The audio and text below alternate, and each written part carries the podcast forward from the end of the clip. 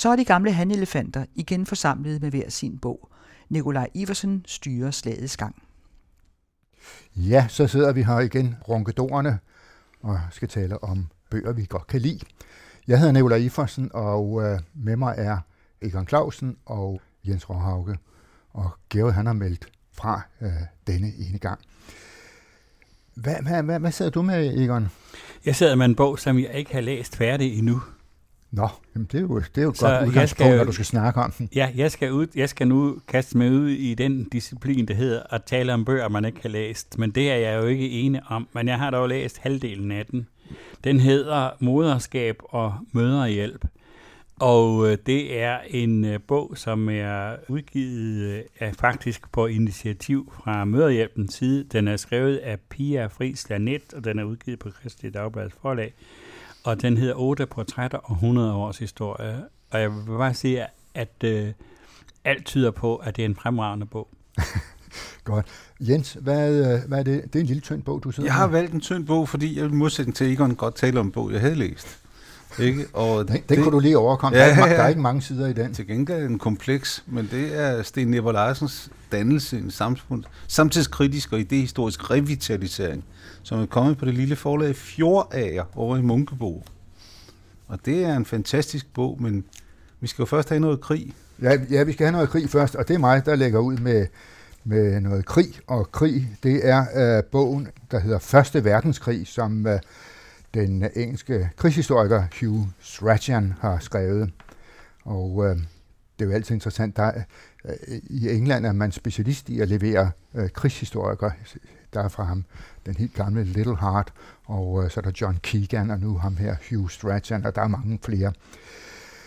Hans bog om Første Verdenskrig, den, den er for så vidt en, en kompleks bog, forstået på den måde, at, øh, at når man skal følge med i uh, frontberetninger, eller hvad skal vi sige, frontafsnitten, og hvad der skete af ting og sager, så kan jeg anbefale, at man sammen med bogen også sidder med et atlas, så man kan finde ud af, hvor de egentlig bevæger sig rundt og hen og alt muligt andet. Men det, der er det mest spændende ved Hughes Ratchans bog, det er de overvejelser, han gør. Man kan også sige de diskussioner, han foretager med sig selv om, øh, om øh, hvem er skyld i krigen, og hvorfor forløb den sådan, og hvad, hvad, hvad, hvad var følgerne af Første Verdenskrig. Hvem var skyld i Første Verdenskrig? Og der ved vi godt, at mange mennesker siger, nå, jamen, det var jo, tyskerne var de store. Tyskland var den store fjende, eller den store øh, skurk i øh, Første Verdenskrig. Og det er jo nok en sandhed med modifikationer. Al den stund, at krigen faktisk begyndte som det, man kunne kalde den tredje Balkankrig, nemlig Østrig-Ungarn, øh, der gik krig mod Serbien. Og, og øh, i Østrig-Ungarn, det er det store dobbeltmonarki, som jo bredte sig ud over dele af Italien og øh, en, en lang række andre lande. De havde et opgør med, med, med, med Serbien, og øh, anledningen til at gå i krig, det er det, som nok de fleste øh, kan huske fra deres øh, historieundervisning, at det var fordi, at den øh, østrig-ungarske tronfølger, Frans Ferdinand, han blev skudt i Sarajevo i øh, juni 1914. Tyskland havde bundet sig til at hjælpe Østrig-Ungarn, og jeg tror nok, man i Tyskland, eller det, det Hugh Stratton øh, skriver, at i Tyskland havde man nok forventet, at, at det måske mere var sådan en opbakning til en lokal krig. Han bruger selv øh, udtrykket, at Tyskland havde lænket sig til et lig. Og øh, det må man nok sige, der blev en del lig ud af det. I hvert fald bredt krigen sig, og det blev en, virkelig en verdenskrig. Det var en krig, der bredte sig ud til Mellemøsten, til Afrika, til Sydøstasien, Rusland, sågar til Sydamerika. Øh, så der var virkelig tale om en verdenskrig. For Tyskland gik det egentlig meget godt, fordi Tyskland var så den store, stærke kraft i Første Verdenskrig. Og øh, øh, det var sådan, at det var faktisk meget lidt af tysk område, der, der blev øh, krigsramt, altså sådan med, med, med fremmede magter. Der, hvor det skete, det var over i Østpreussen, hvor, hvor russerne gik ind i, i Østpreussen. Og der stod så helt i, i selve 1914, i slutningen af 1914, et slag ved det, der hed Tannenberg. Og det var Hindenburg, der sammen med general Ludendorff slog russerne der. Og øh, det var det var nok en betinget triumf, altså så stor og voldsom var den ikke, men den havde stor psykologisk betydning i Tyskland, at man havde vundet ved Tannenberg. Og, det, og, og der, der, der er det sjovt, fordi der, der øh, tænker jeg på, at der kunne man lave sådan en pendant til, til netop Serbien, der jo øh, blev besejret i 1389 på Solsortesletten i Kosovo. Og det var et hang, de havde, serberne, øh, mod tyrkerne. Og på samme måde havde tyskerne faktisk et hang mod øh, russerne, fordi de i 1410 var blevet slået ved øh, Tannenberg. Altså det er jo fantastisk, sådan nogle øh, øh, lange ting der, de, de trækker videre i historien. Det, som Hugh Stratton også diskuterer i bogen, det er, hvad skal vi sige, det, man taler om meningsløshed med en krig. Man kan jo nok sige, at det er meningsløst, at øh, 10 millioner mennesker mistede livet i Første Verdenskrig. 20 millioner blev invalideret. Det, det, er, jo, det er jo alvorligt. Men det er jo ikke helt uden mening, øh, er hans pointe, fordi det skabte faktisk national selvbestemmelse i en række områder i Europa. Nye lande stod frem. Finland blev skabt, de baltiske lande, Polen, Tjekoslovakiet, Danmark fik den nordlige del af Slesvig ind under sig, og øh, Jugoslavien opstod som nation. Og der blev en, en bevidsthed om national selvbestemmelse. Det var en gevinst ud af Første Verdenskrig. Så, så er der det, som han også øh, diskuterer, det er, om der er en sammenhæng mellem Første og 2. verdenskrig. Og det afviser han. Der, der er ikke nogen sammenhæng. Der, der kan være en sammenhæng mellem nogle af følgerne af Første Verdenskrig og den situation, der kom i Tyskland, og for så vidt også rundt omkring i verden. Men øh, Hitlers krig, for det var Hitler, der opfandt, om jeg så må sige, 2. verdenskrig, den beroede på noget andet end Første verdenskrig. Den beroede på et system og en magtudvidelse. Tyskland under 1. verdenskrig havde også drømme om øh, at komme ud i verden, og øh, øh, sagen var jo den, at Tyskland og England var de to lande, der havde de største flåder. Men Englands var større. Englands var helt suverænt den største flåde i verden. Og øh, den betød meget, fordi det var den måde, de kunne holde kolonierne på. Det var jo sådan, som man sagde i England der i, under dronning Victoria, at solen gik aldrig ned i øh, det britiske rige. Det, som tyskerne øh, ville, de ville godt øh, for det første øh, få saboteret den forståelse, der var skabt mellem Frankrig og England, de gamle fjender, som jo havde, var fundet sammen. Ikke så meget, af, fordi de elskede hinanden, men mere fordi, at det var et fornuft at finde sammen og lave en alliance, det er den, man kalder for entente cordiale, altså det hjertelige fællesskab. Hvordan kunne Tyskland øh, gøre noget ved det? Jo, det kunne de ved at true kolonierne, de engelske kolonier. For på den måde ville de også trække kræfter væk fra Europa, fra selve krigsområdet i Europa. Fordi det var så vigtigt for englænderne at bevare deres magt ude i kolonierne. Hele den historie, den gør han meget grundigt rede for. Jeg, jeg, jeg kan anbefale bogen, men, men jeg vil så også anbefale, at man holder ørerne stive, eller øjnene, tager brillerne på, når man skal læse om øh, alt det der fra fronterne og sådan noget der. For der skal man godt nok følge, følge med for at øh, få noget ud af det. Er der landkort i? Der er nogle ganske få landkort, og jeg kunne godt have ønsket mig, at der havde været noget mere. Men der er nogle meget overfladiske nogen egentlig.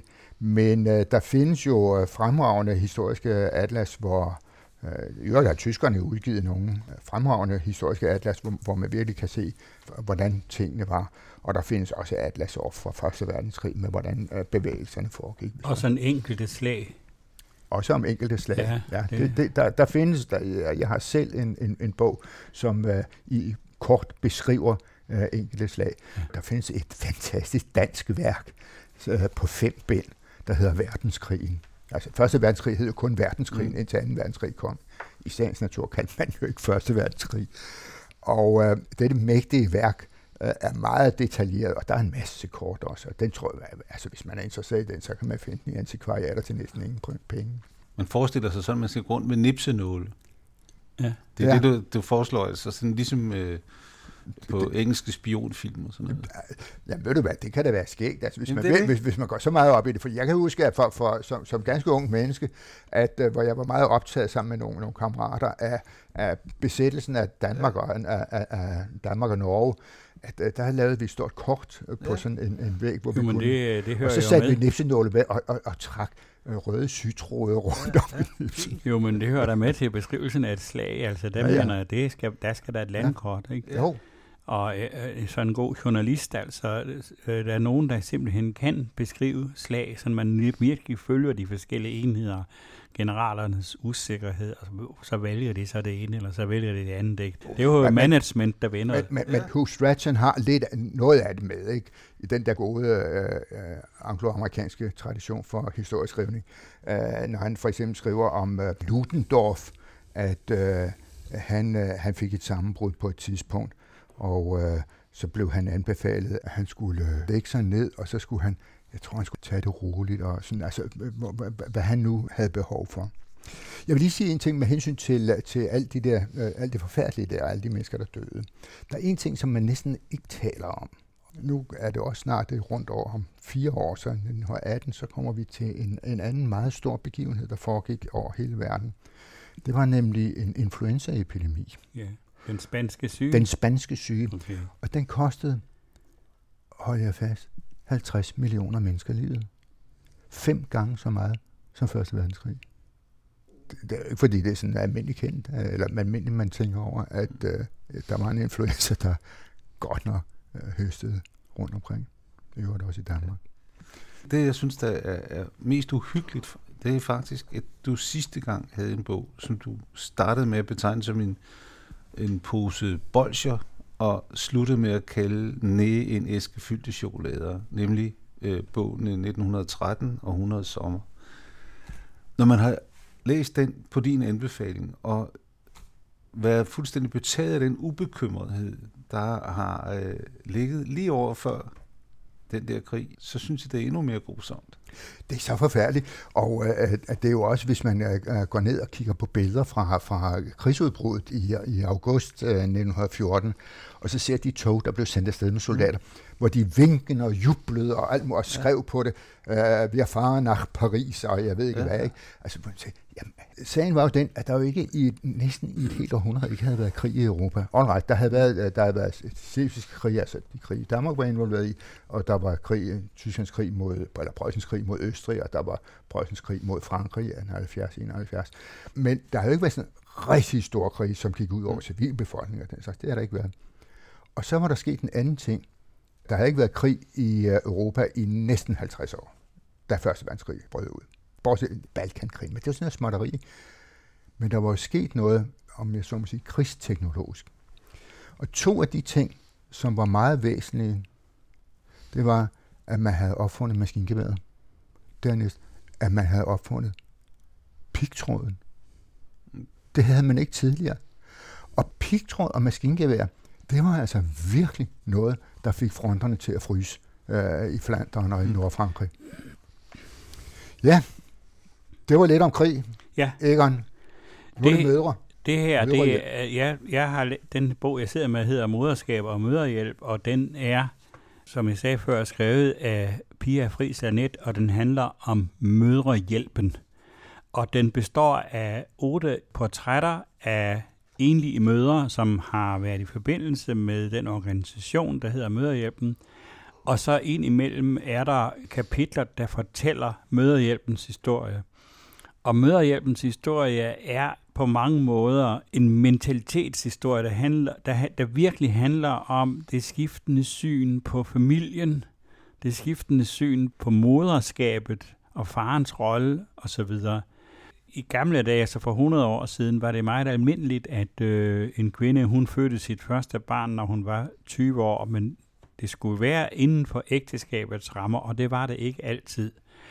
Og det medførte, hvis man øh, fik et barn uden for ægteskabet, og der var jo ikke noget, der hed fri abort dengang, det var meget ofte en social katastrofe, en meget stor belastning for den pågældende øh, kvinde og også øh, for familien. Det var forbundet med skam.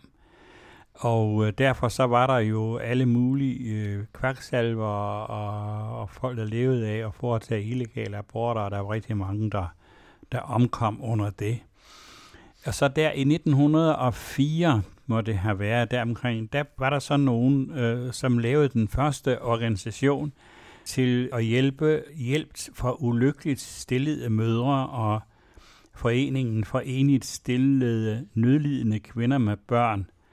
Og øh, de slog sig så sammen Øh, i 1914, der kom det så til at hedde Møderhjælpen. Og det, det er navn i hvert fald, som har levet videre, og funktionen har også levet videre. Og den der organisation tog sig så er de der egentlig stillede møder. Og langsomt så Altså i 30'erne, der skiftede synet på det der med abort. Man var klar over, at øh, i visse tilfælde kunne det godt øh, være en, øh, en fordel, at øh, det blev tilladt. Og den tilladelse til at få foretaget en abort, den skulle gå igennem møderhjælpen, som på det tidspunkt havde opbygget en meget stor rådgivende service. Og det betød så, at hvis man opsøgte møderhjælpen og sagde, at jeg er blevet gravid osv., så kunne man, hvis man kunne påvise, at øh, der var forskellige sociale omstændigheder osv., ikke få foretaget en abort. Det betød på et senere tidspunkt, at møderhjælpen blev forhat.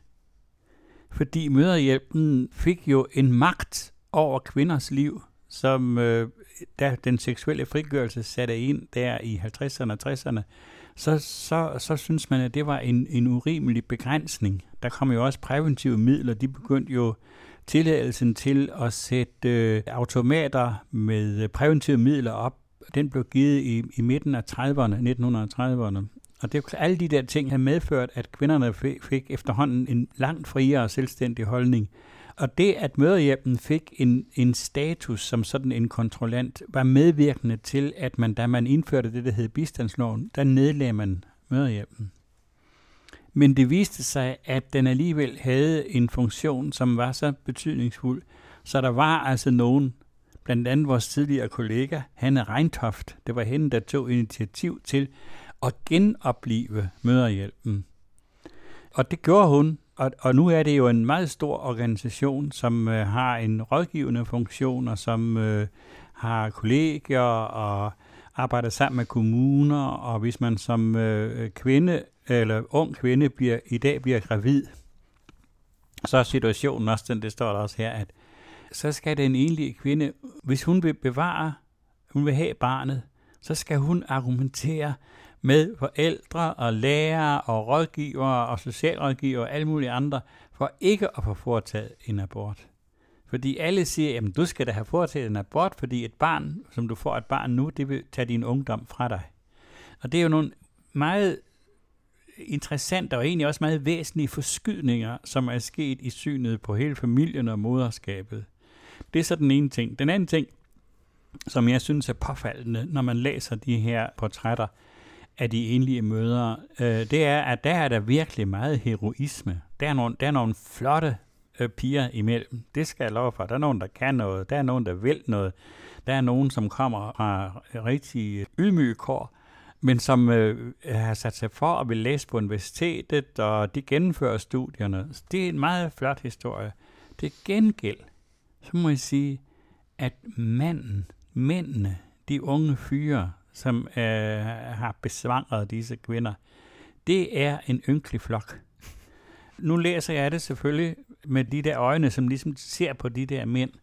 Og det, jeg ved ikke om Pia Friis Lanet, som jo er en, øh, en kvindesagspige og så videre, om hun har haft blik for, at øh, det her det er også en bog, som fortæller om manden, det maskulines krise i det her samfund. Det er så markant, at de der unge mænd, de er forvirrede, de øh, kan ikke finde ud af, hvad de skal med deres liv.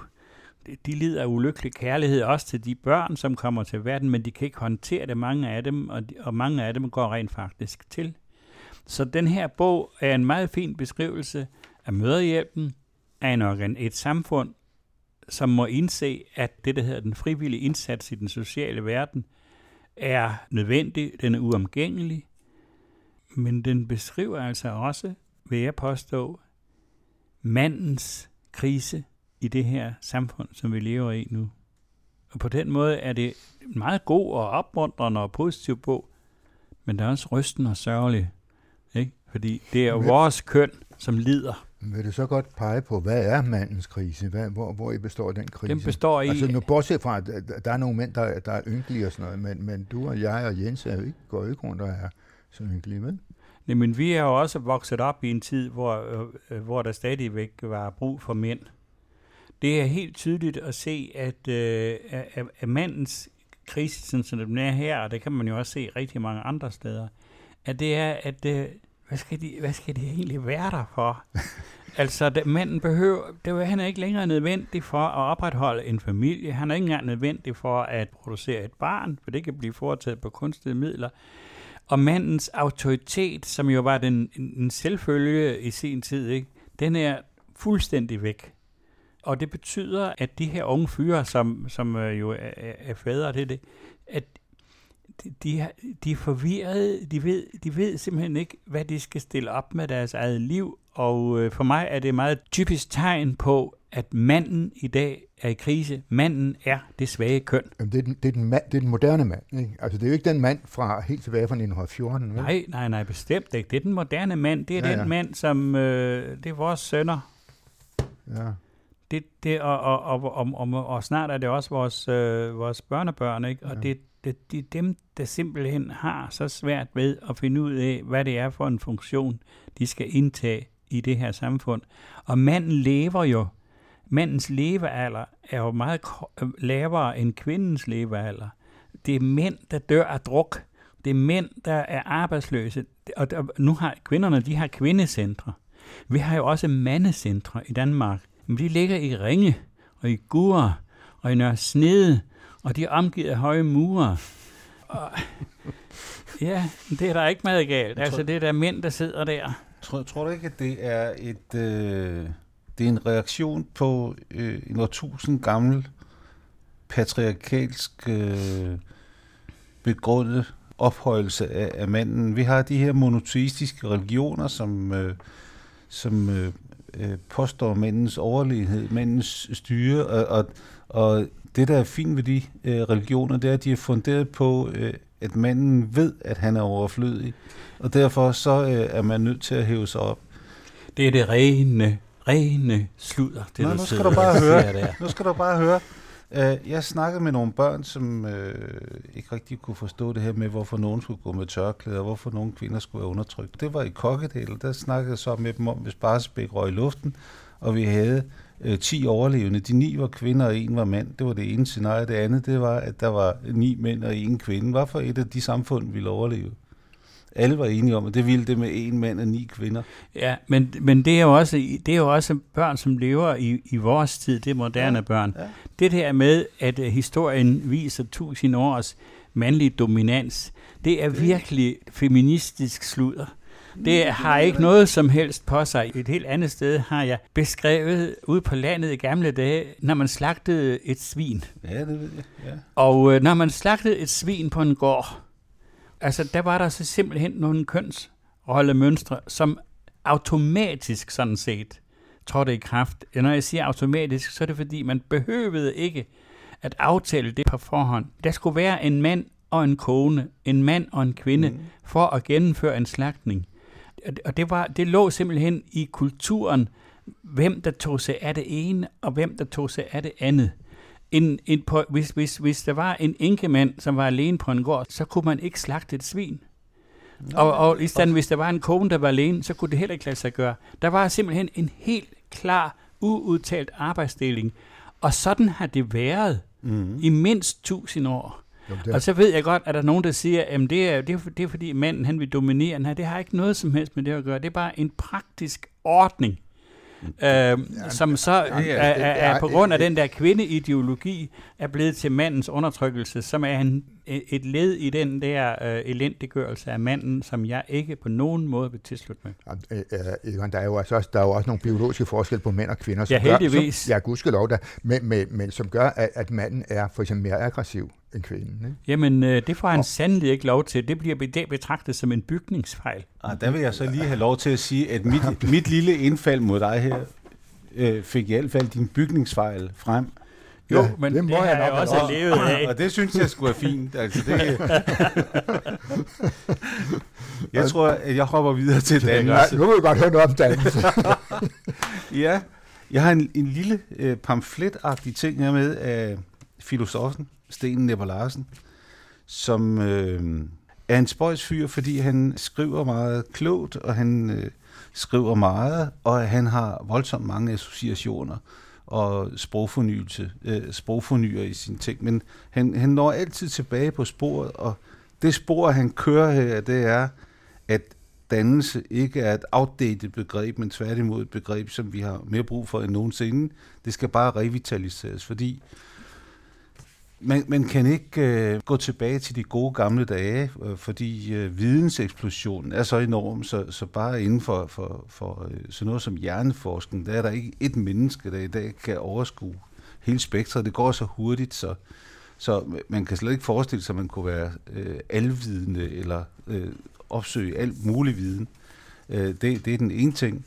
Øh, og øh, det, den anden ting er, at, at dansen øh, kommer mange forskellige steder fra i dag, hvor man havde mere entydige kanaler tidligere. Men han starter med at skelne mellem dannethed og dannelse, hvor han går ind i, i Salmonsens øh, leksikon fra 1916, hvor der er en, en filosof, der hedder Claudius Wilkens, han har skrevet meget kort om forskellen, nemlig at dannethed, det er, hvor man ser med de herskende klassers øjne, det er en adelsmand, bør klæde sig godt, fægte godt, have talent for at skrive kærlighedsbrev, være noget forelsket, og temmelig tav som sine eventyr, men ikke for trofast. Det er dannethed for, for en engelsk adelsmand. Og, og øh, det er sådan en, en parodi, han skrev for at vise, at dannethed er noget påklistret, så, som øh, kan klares ved påklædning og lidt adfærdsterapi.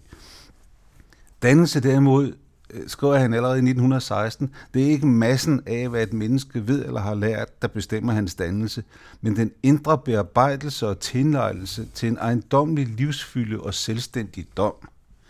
Det er 1916. Og Den holder jo stadigvæk. det er det, han påviser i den her bog, at det her holder jo stadigvæk. Men det, der er sket i vores tid, det er, at vi med nogle styremekanismer og en politisk øh, tænkning egentlig er kommet tilbage til de herskende klassers øjne, nemlig til en instrumentalisme, øh, så, som går igen i uddannelse, i universiteter osv., i taxameterprincipper, hvor man for så vidt kan sige, at den, der har, har bidraget mest til fordummelsen af den danske befolkning, det er sandsynligvis øh, NATO's generalsekretær, tidligere statsminister Anders Fogh Rasmussens tese om, at øh, enhver var sin egen smagsdommer. At den underminering af, af tænkning, og at der er nogen, der, der ved lidt mere end andre, som har noget at byde på, den er trådt under fod. Så det, han Sten Nipper siger, det er dannelse, det er afkaldet på at blive gjort dum og uværdig. Og hvis der er nogen, der har gjort folk dumme og uværdige, så er det Anders Fogh Rasmussen med, med, med den der smagsdommer. Bravo. Det, det skriver han ikke her. Det skal så siges, at, øh, men øh, det er min... Det var det hans allerførste nytårstale. Ja, det var det. Ja. Og øh, han holdt dumheden ved lige 10 år. Nå, men øh, Ja, den lever der endnu og har Ja, det ja. godt. han, han hiver forskellige filosofer og forfattere frem. Blandt andet øh, Meyer Aron Goldsmith, så, som i midten af 1800-tallet siger, at dannelse det er den udviklede evne til opmærksomhed. Og der har vi jo inden den her udsendelse snakket om, at der er nogle gymnasieelever, der twitter og er på de sociale medier, samtidig med at de modtager matematikundervisning, fordi de påstår, at de kan øh, multitaske. Det han går ind for her i den her bog, det er netop om evnen til opmærksomhed. Det er, at, øh, at man fordummer sig selv, hvis man tror, man kan multitaske.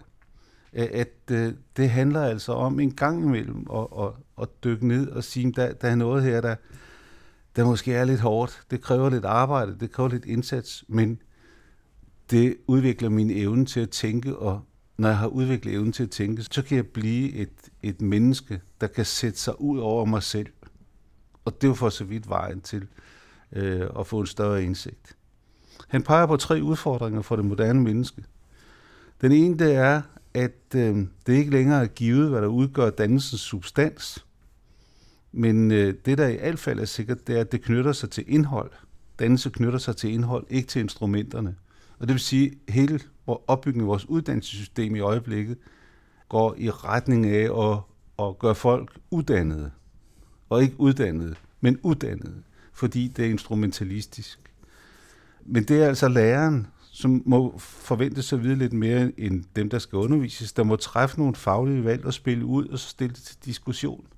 Det er den første udfordring. Den anden, det er, at det er ikke rart for elever, befolkning, at blive mindet om, hvad de ikke kan og ikke ved.